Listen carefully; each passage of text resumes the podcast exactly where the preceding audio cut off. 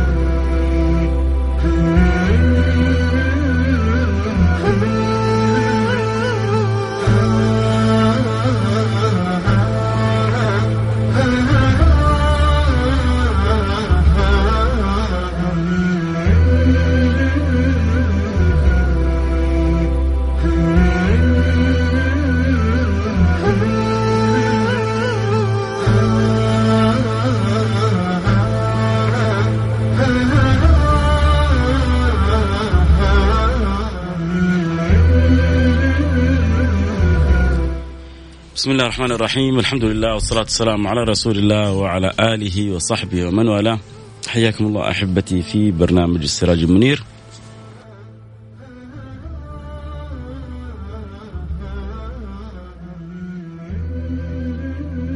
البرنامج الذي يأتينا كل يوم جمعة بعد صلاة الجمعة وأسأل الله سبحانه وتعالى أن يديم علينا وعليكم هذه الجمعة في رحاب صاحب الجمعة. من صاحب الجمعة؟ هو الحبيب المصطفى صلى الله عليه وعلى آله وصحبه وسلم حيث أن الله سبحانه وتعالى أخبر اليهود أن هناك يوما في الأسبوع يعظمونه وينشغلون فيه بذكره فاختاروا السبت وأخبر النصارى فاختاروا الأحد. فذلك اليوم الذي أضاعوه وعرفه رسول الله صلى الله عليه وعلى آله وصحبه وسلم. كما جاء في الحديث فاختار النبي المصطفى صلى الله عليه وعلى آله وصحبه وسلم هذا اليوم يوم الجمعة فكان هو في الأيام كرمضان في الشهور. الجمعة في الأيام كرمضان في الشهور. نسأل المولى سبحانه وتعالى أن يبلغنا وإياكم ما في هذه الجمعة من الخيرات والبركات والأسرار والعطايا والهبات والمنن والفضائل والإفضال من الملك المتعال الحق سبحانه وتعالى. يوم الجمعة فيه ساعة الإجابة والدعوات فيه مستجابة. إن في الجمعة ساعة ما دعا عبد بدعاء إلا واستجاب الله له فيه. ساعة مخبأة في الجمعة. بعضهم قال إن الساعة التي تكون بين الأذان والإقامة لصلاة الجمعة وبعضهم قال أنها بعد صلاة الجمعة مباشرة وبعضهم قال إنها بعد العصر وبعضهم قال إنها قبيل الغروب وكلها مباركة. فمن يجتهد هنا وهناك إلا ما يعني تكون صادفته تلك الساعة ساعة الإجابة فيعجل الله له بالإجابة ويجعل الله الدعوات له مستجابة. فلا تنسوا بعضكم البعض من الدعاء. أن تدعو لنفسك وأن تدعو لأهلك وأن تدعو لمجتمعك وأن تدعو لبلدك وأن تدعو لوطنك وأن تدعو لأمتك وأن تدعو للخلق أجمعين بأن يجمعنا الله وأن يردنا الله إليهم ردا جميلا ويجعلنا كما يحب ويرضى. اللهم آمين يا رب العالمين. ما زلنا متواصلين في إيش يا سادتي؟ متواصلين بدأنا من محرم. والآن دخلنا في الربيع. شهر ميلاد الحبيب الشفيع سيدنا محمد صلى الله عليه وعلى آله وصحبه وسلم فهو الشهر الذي ولد فيه باتفاق سائر الخلق أجمعين واختلف في في ليلة مولد مولده. فالمشهور أنها في ليلة الثاني عشر وأما القول بولادته فقيل ليلة الثاني عشر وقيل ليلة الثامن وهناك عدة أقوال في ذلك لكن متفق عليه أنه ولد يوم الاثنين في شهر ربيع الأول ونحن وإياكم دخلنا في هذا الشهر شهر ربيع عظمات رحماته. إن شاء الله تسع الجميع بإذن الله سبحانه وتعالى. لكن كذلك في هذا الشهر حصلت الهجرة النبوية. ونحن بدأنا في الهجرة الكلام عن الهجرة النبوية من محرم. وبدأنا من محرم لمط... يعني إيه، لموافقة الشيء الشيء. يقولون يقولون والشيء بالشيء يذكر. فلما بدأنا السنة الهجرية قلنا إن شاء الله نخبركم بقصة الهجرة. وبدأنا إن شاء الله إنه يعني طريقة عرض ربما ربما البعض أول مرة يسمعها. الكلام عن مقدمات الهجرة عن أسباب الهجرة آه، ما الذي حداهم الهجرة ما الصعوبات التي واجهتهم حتى يصلوا إلى الهجرة الكبرى. إيش هي الهجرة الكبرى؟ الهجرة الكبرى هجرتهم إلى المدينة المنورة. سبقتها قبل ذلك عدة هجرات. آه ثم بعد ذلك آه جاءت الهجرة الكبرى. فنحن تكلمنا عن المقدمات تكلمنا عن الهجر الصغرى سواء الحبشة الأولى الحبشة الثانية تكلمنا عن منهاجها تكلمنا عن أسباب الهجرة.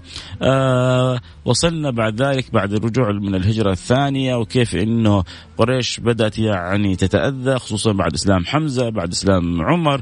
يعني الفطاحل الكبار من قريش بدأوا يدخلوا كان أول الصغار والضعفاء هم الذين يسلموا في يدخلون في هذا الدين فلا يؤبى لهم ولا يلتفت إليهم بلال.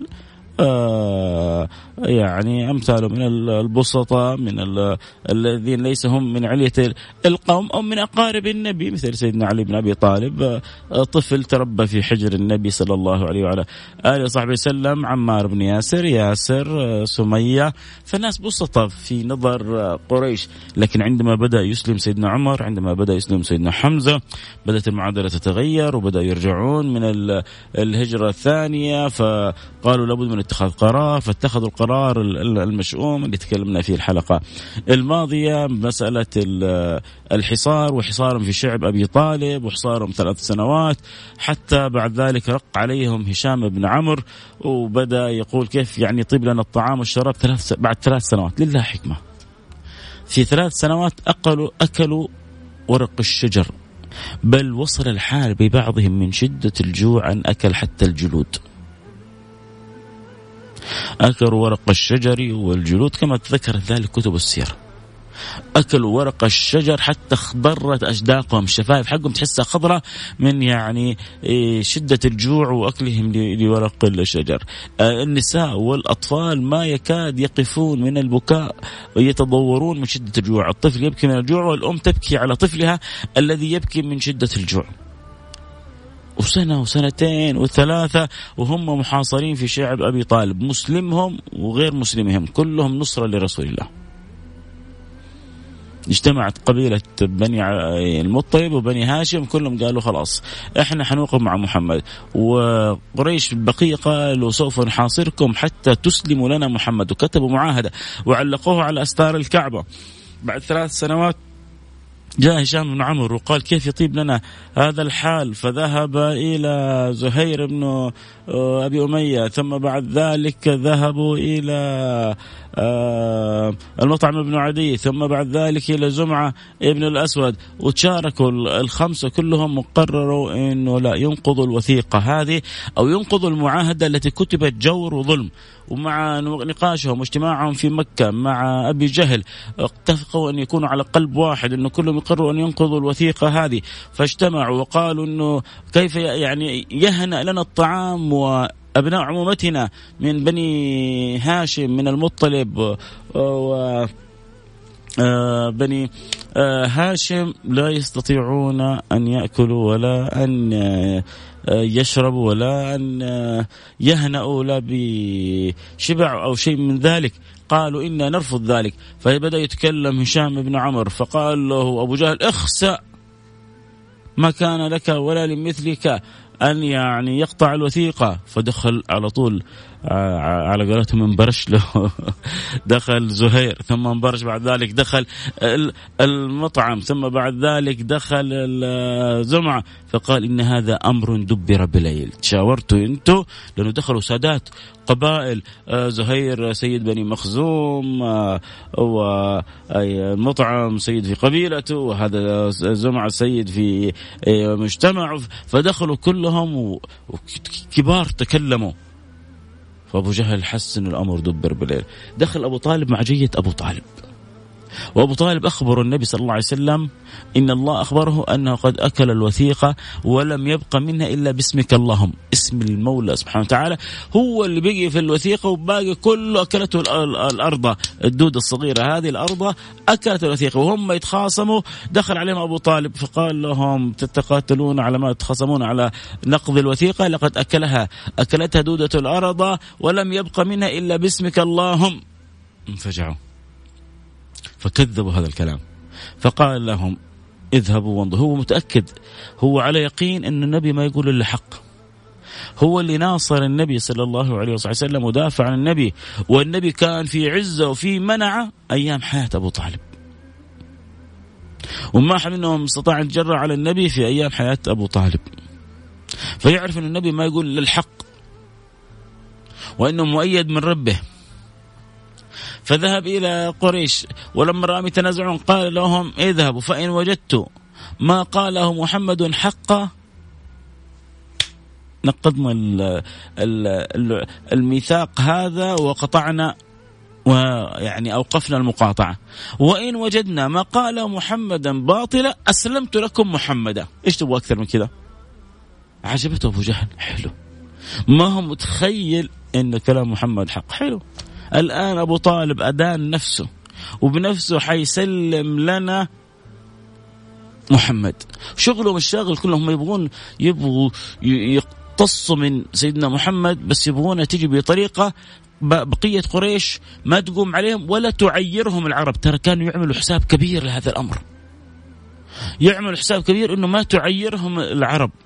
حتى حجيب لكم بعد شوية قصة موقف كيف أنهم تنازلوا بعض التنازلات عشان ما يقولوا إنه بعد وفاة أبو طالب يعني اقتص من محمد الضعيف بمفرده أو الذي ليس عنده منع ولا قوة لا إحنا نبغاه هو في عز قوته ومنعته مع آه عمه آه أبي طالب هو يسلم لنا وإحنا نقتص منه بإرادة عمه وبإرادة قبيل قبيلتي بني المطلب وبني هاشم. وإذا بعد ذلك يذهبون إلى الوثيقة المعلقة بأستار الكعبة فيجدونها قد أكلت. إلا باسمك اللهم. إلا اسم المولى سبحانه وتعالى لم تتجرأ دودة الأرض. إيش الأدب حتى في الدودة هذه؟ وإن من شيء إلا يسبح بحمده ولكن لا تفقهون تسبيحهم. كل شيء يسبح لله سبحانه وتعالى. لكن في ناس تفقه وتعلم وتدرك وفي ناس غلبانة لا تدرك ولا تعلم ولا تفهم. فهذه حتى هذه الدودة تأدبت مع اسم المولى وأكلت باقي الظلم.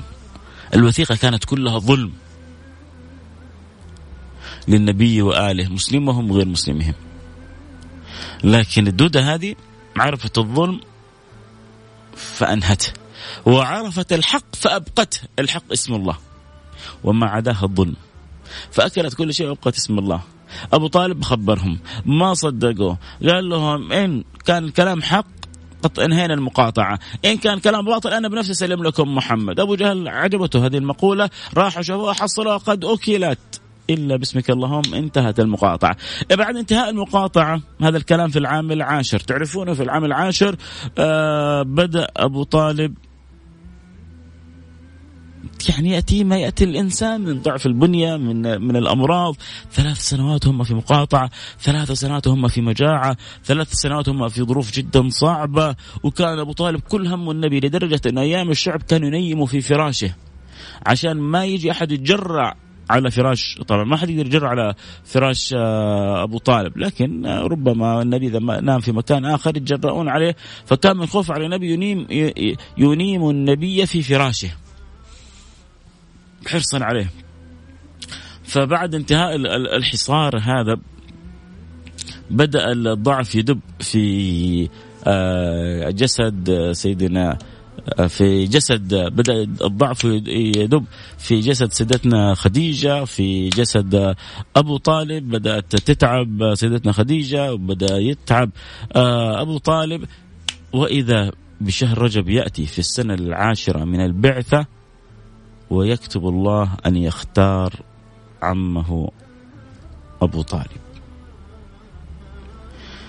تخيل اللي ناصرك واللي واقف معاك واللي باذل قوته كلها لك فجأة يروح منك.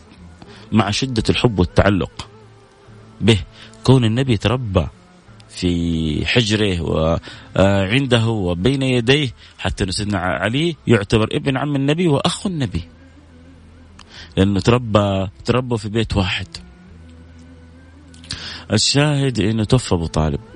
قبل وفاة أبو طالب وتوفى أبو طالب في رجب في السنة العاشرة من البعثة. قبل وفاته لما بدأ المرض يدب في جسد وفي حياة أبو طالب راحوا له قريش صناديد 25 قالوا له لابد أن تنهي لنا الأمر مع محمد. ليش راحوا له؟ تعرفوا ليش يا جماعة؟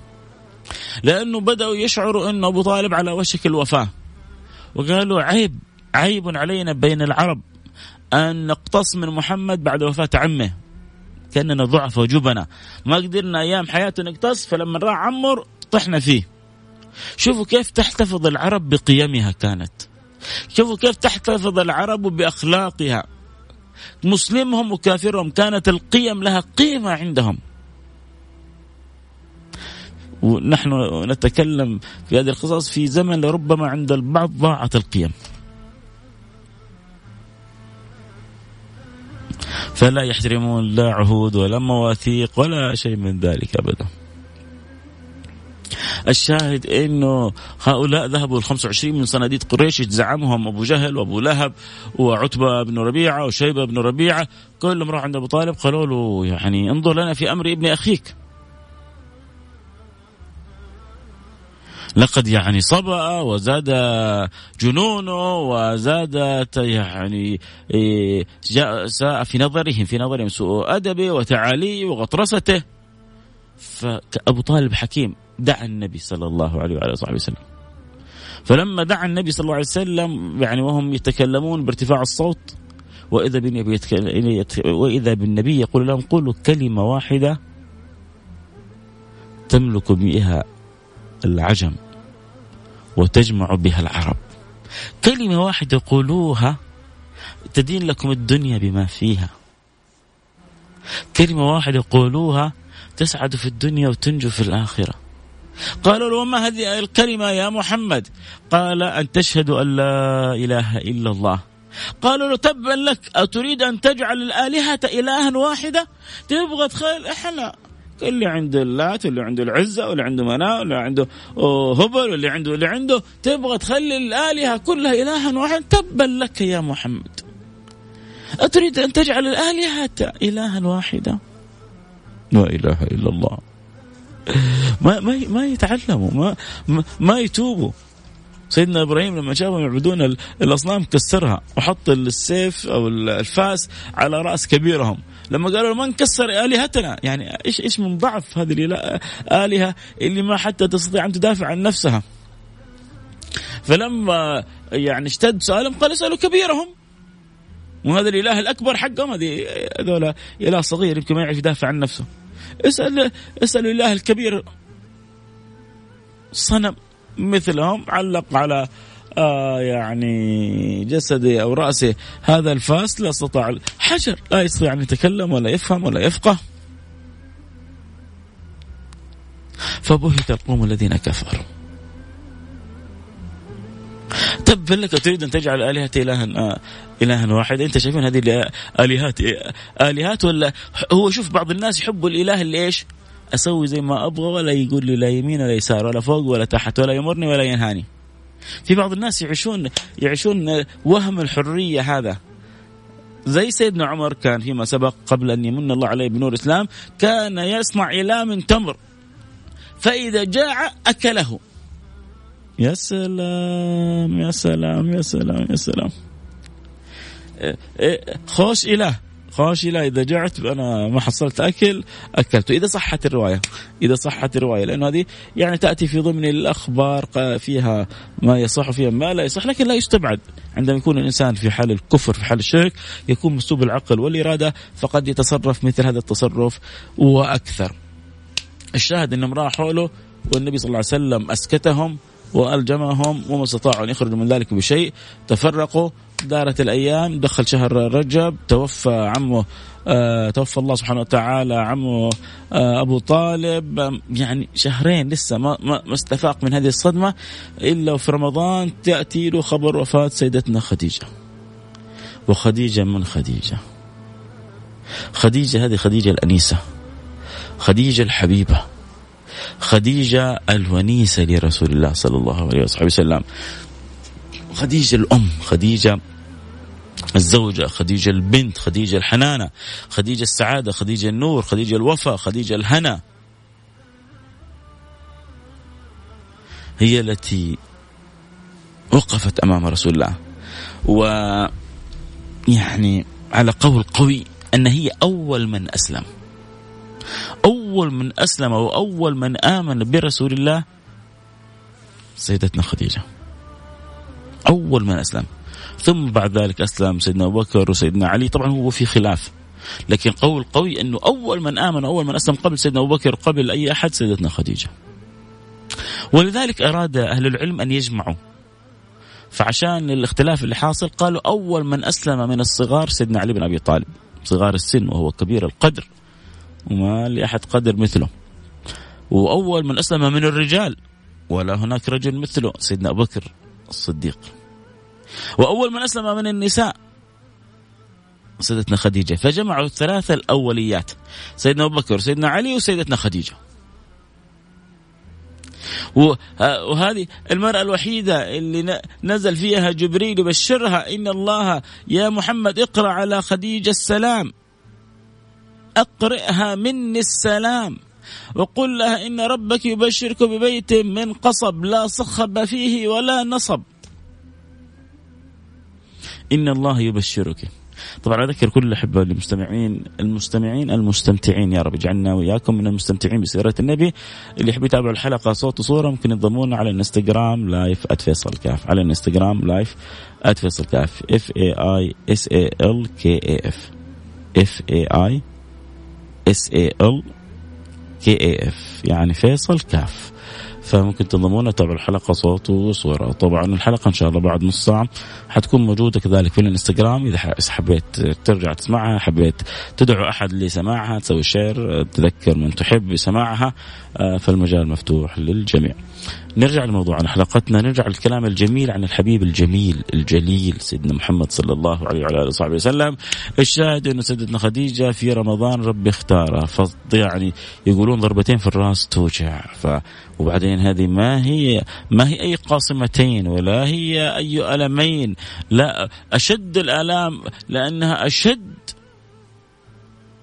العلائق اللي كانت للنبي بالخلق علاقته بزوجته العظيمة التي زمته والتي دثرته والتي آوته والتي نصرته والتي أمدته لا والأعظم ذلك التي هي خطبته. ما هو اللي خطبها؟ هي اللي خطبت سيدنا رسول الله بعد ما راح سيدنا رسول الله في تجارة مع ميسرة ورجع ميسرة ما هو بحواسه من, من شدة ما رأى. يا بخت ميسرة يا بخت ميسرة يا بخت ميسرة بصحبته للنبي صلى الله عليه وسلم. راح رحلة كاملة الواحد فينا يتمنى بس يشوف النبي. يتمنى يقبل يد النبي. يتمنى يبوس رأس النبي.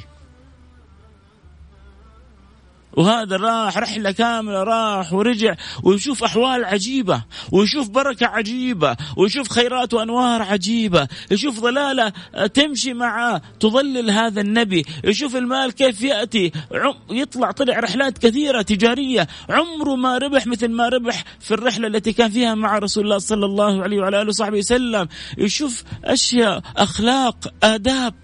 حكاها كلها خديجة. لما حكاها خديجة ما استطاعت أن تتمالك نفسها فعرضت نفسها على رسول الله أرسلت لصاحبي لها. لم تخن الذاكرة.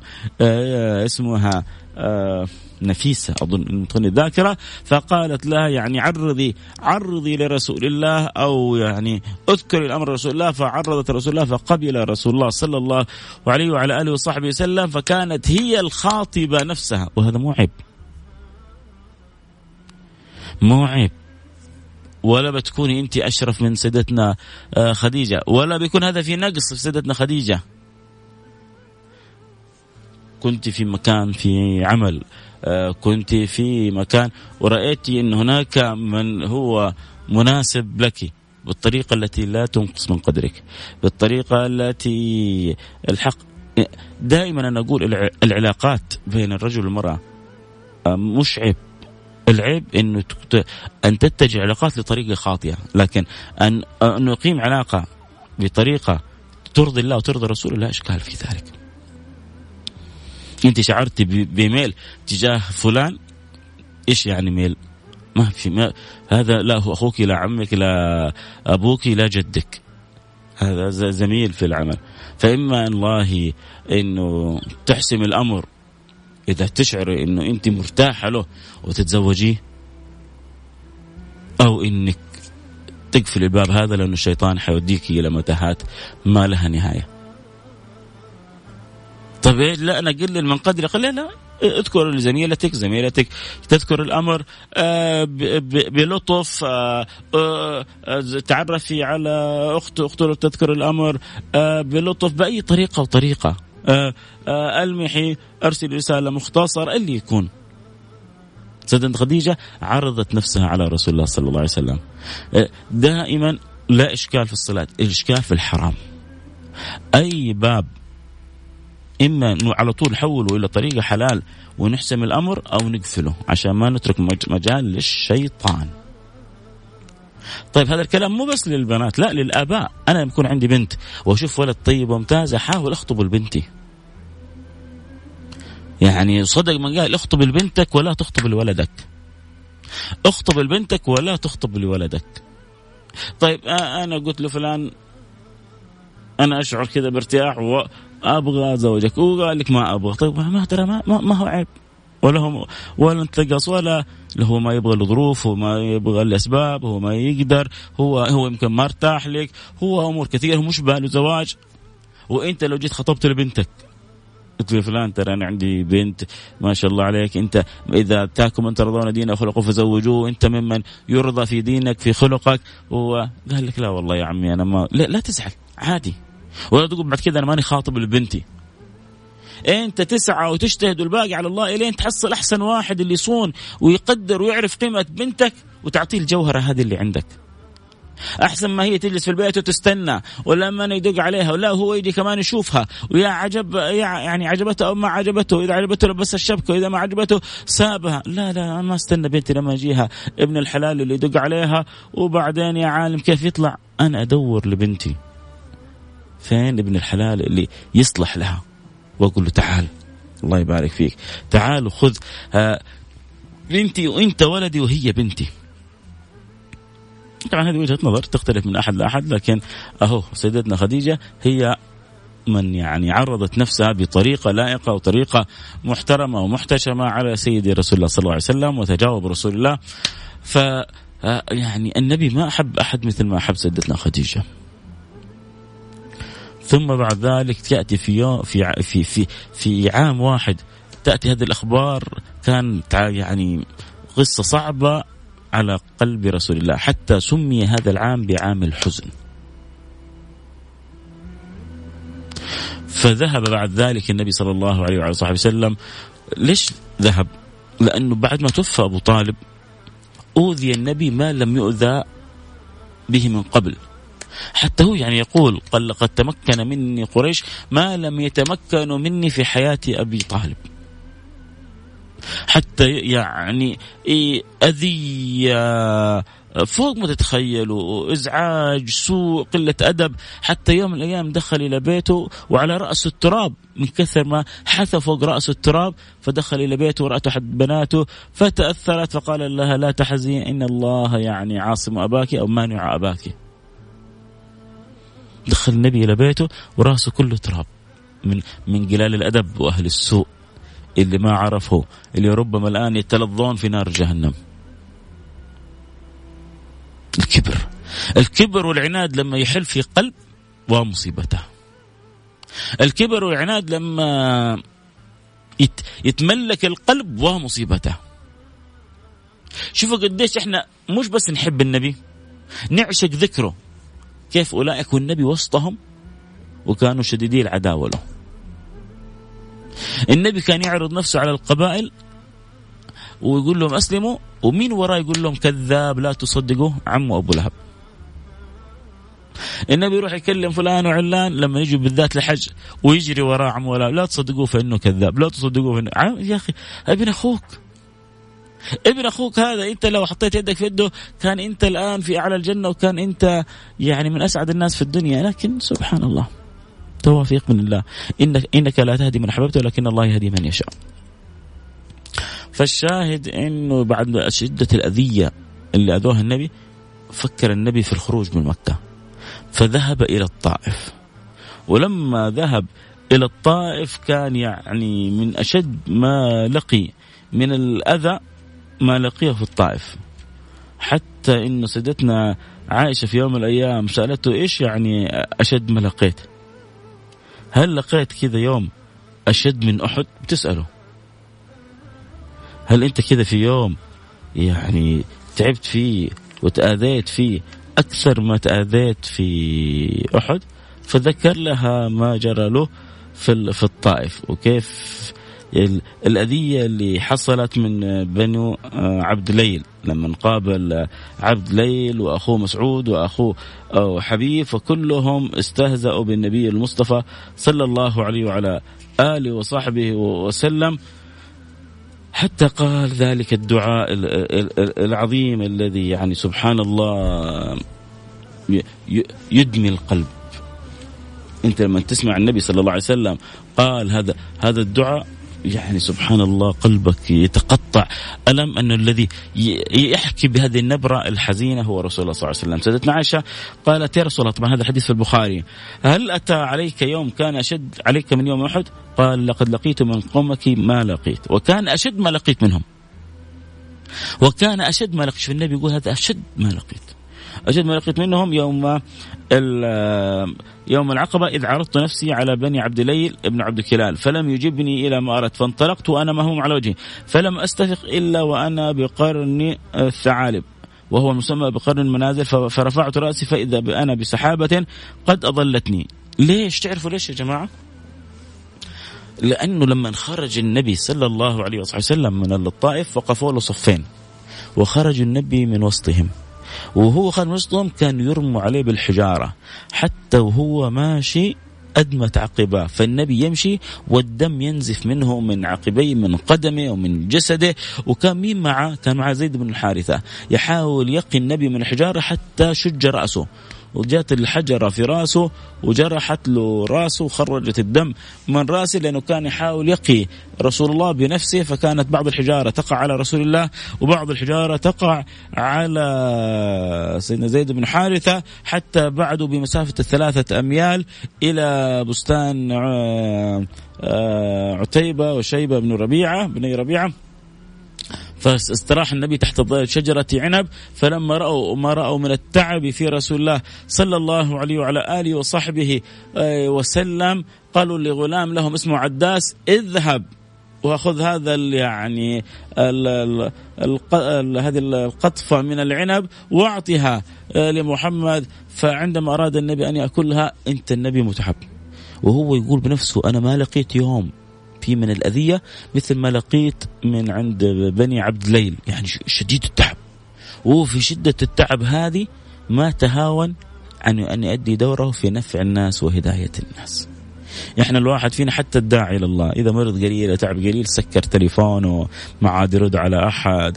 آه إذا حد شوية طلب منه طلب أو خدمة يا أخي الناس ما تستحي يا أخي الناس ما تفهم. ما شايفتني أنا تعبان هذا وقت راحتي هذا وقت نومي هذا وقت أهلي هذا وقت أسرتي هذا آه كذا هذا كذا. النبي كان كله لنا. النبي كان بكله لنا النبي كان بكله لنا. ما يحصل لحظة وفرصة فيها نفع لأمته إلا ويقدم فيها. فجاء هذا عداس جاء عداس عند النبي صلى الله عليه وعلى آله وصحبه وسلم يجيب له العنب رجع وهو مسلم. لا إله إلا الله. النبي جاء قال النبي لما جاء يأكل يقول بسم الله. استغرب حداس قال إن هذا ليس من كلام العرب. هذا ما هو من كلام العرب. قالوا من أين أنت؟ قالوا من نينوى قال بلد أخي العبد الصالح يونس بن متى؟ قال أو تعرف نبي الله يونس بن متى؟ قال إنه أخي. الرجال تغير. عتبة وشيبة يشوفوا شوفوا إيش يسوي؟ ماسك يقبل في يد النبي يقبل في يد النبي يقبل في رأس النبي جالس منكب على النبي. قال لقد أضاع محمد صبينا. إحنا جايين نبغى نساعده. قام ضي خرب لنا صبينا. يرجع عداس. قال ما الذي تفعله؟ قال إنه لا يا هذا يا سيداي إنه لا يوجد على وجه الأرض رجل أعظم أفضل من هذا. لقد أتى بكلام لا يؤتى به من كلام أهل الأرض أبدا.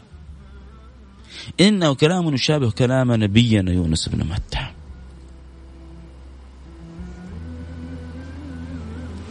وأسلم عداس ورجع النبي صلى الله عليه وسلم. هو طبعا في تلك الأثناء كان من دعاء النبي صلى الله عليه وعلى آله وصحبه وسلم. ذلك الدعاء اللي أنا أبغاكم تتأملوا فيه حختم فيه حلقتين نكون كذا وقفنا عند يعني رحلة للطائف. حنوصل بعد كذا إن شاء الله الأسبوع الجاي العرض نفسه على القبائل اللي حتمهد لنا الطريق إلى الهجرة الكبرى المدينة المنورة. إيش النبي قال صلى الله عليه وسلم في في دعائه؟ اسمعها وتخيل. أنا بس أبغاك تعيش هذا الدعاء مين؟ هذا دعاء أشرف الخلق. هذا دعاء أجل الخلق. هذا دعاء حبيب رب العالمين هذا دعاء النبي الأمين اللي لو قال يا رب أهلك الأرض بما فيها لاستجاب الله له أغلب اللي في الأرض كانوا كفار فجار ربي لا تذر على الأرض من الكافرين ديار ربك إنك أن تذرهم يضلوا عبادك ولا يلدوا إلا فاجرا كفار استجاب الله له ربي لا تذر. أنهي. أرسل الله على قوم عاد وعلى قوم ثمود وأهلكهم بريح صرصر عاتي استجاب الله لأنبيائه. لو دعا النبي لاستجاب الله له. بل وفي الطائف لو است... الله من غير ما يطلب النبي. أولئك الأنبياء كانوا يدعون فيستجيب الله لهم. هنا من غير ما يطلب النبي. الله يرسل سيدنا جبريل ومعه ملك الجبال ويقول لهم إن شئت أن أطبق عليهم الأخشبين جبلين بمكة. جبل أبو قبيس جبل قعيقعان. قعيقعان وأبو قبيس جبلين ثم الأخشبان بمكة. يقول سيدنا جبريل هذا ملك الجبال أرسله الله معي يستأذنك أن يطبق عليهم الأخشبين. ما ما عاد في طائف ولا في أحد من أهل الطائف. مع كل احترام والود لهم الحمد لله. هذا كلام كان قديما قبل أن يسلموا. ولكن من حب الله من حب رسول الله لهم ورحمة رسول الله بهم وحرصه عليهم قال لا.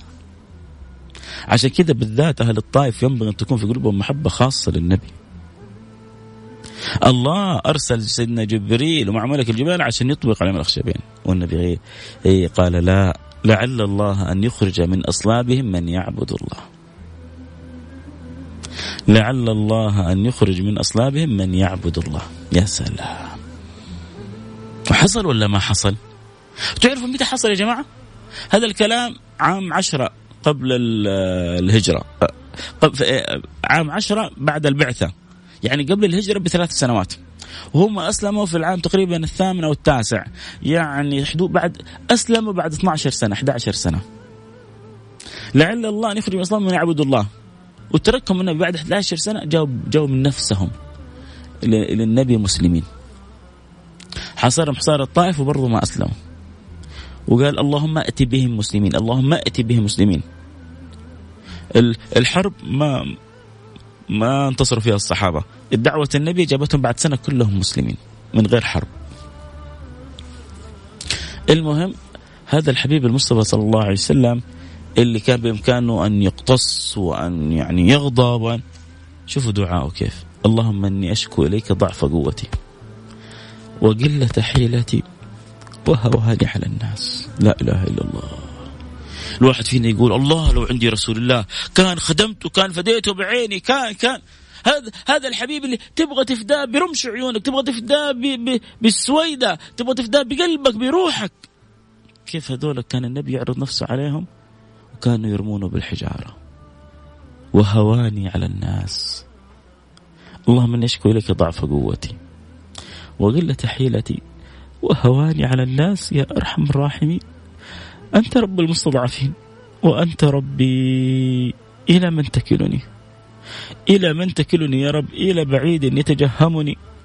أم إلى عدو ملكته أمري إلى من تكلني يا رب. إن لم يكن بك غضب علي فلا أبالي. بعد هذا كله هذا كله لا شيء بالنسبة لي. إذا أنت ما أنت غضبان علي لأنه النبي يشعر بتقصيره. اللهم نشكو إليك ضعف قوتي وقلة حيلتي وهواني على الناس. يجي بعد هذا الشعور كله هذا الإحساس كله يقول إن لم يكن بك غضب علي فلا أبالي. إن لم يكن غضب بك علي فلا أبالي ولكن عافيتك أوسع لي. أعوذ بنور وجهك الذي أشرقت له الظلمات وصلح عليه أمر الدنيا والآخرة من أن تنزل بي غضبك. بعد هذا كل اللي سواه وكل اللي بذله وكل اللي قام خايف شدة الخوف من غضب الله. وإحنا الواحد فينا يضيع الصلاة وربما يأكل حرام ويتجرب المعصية وهذا وحاط الجنة في جيبه.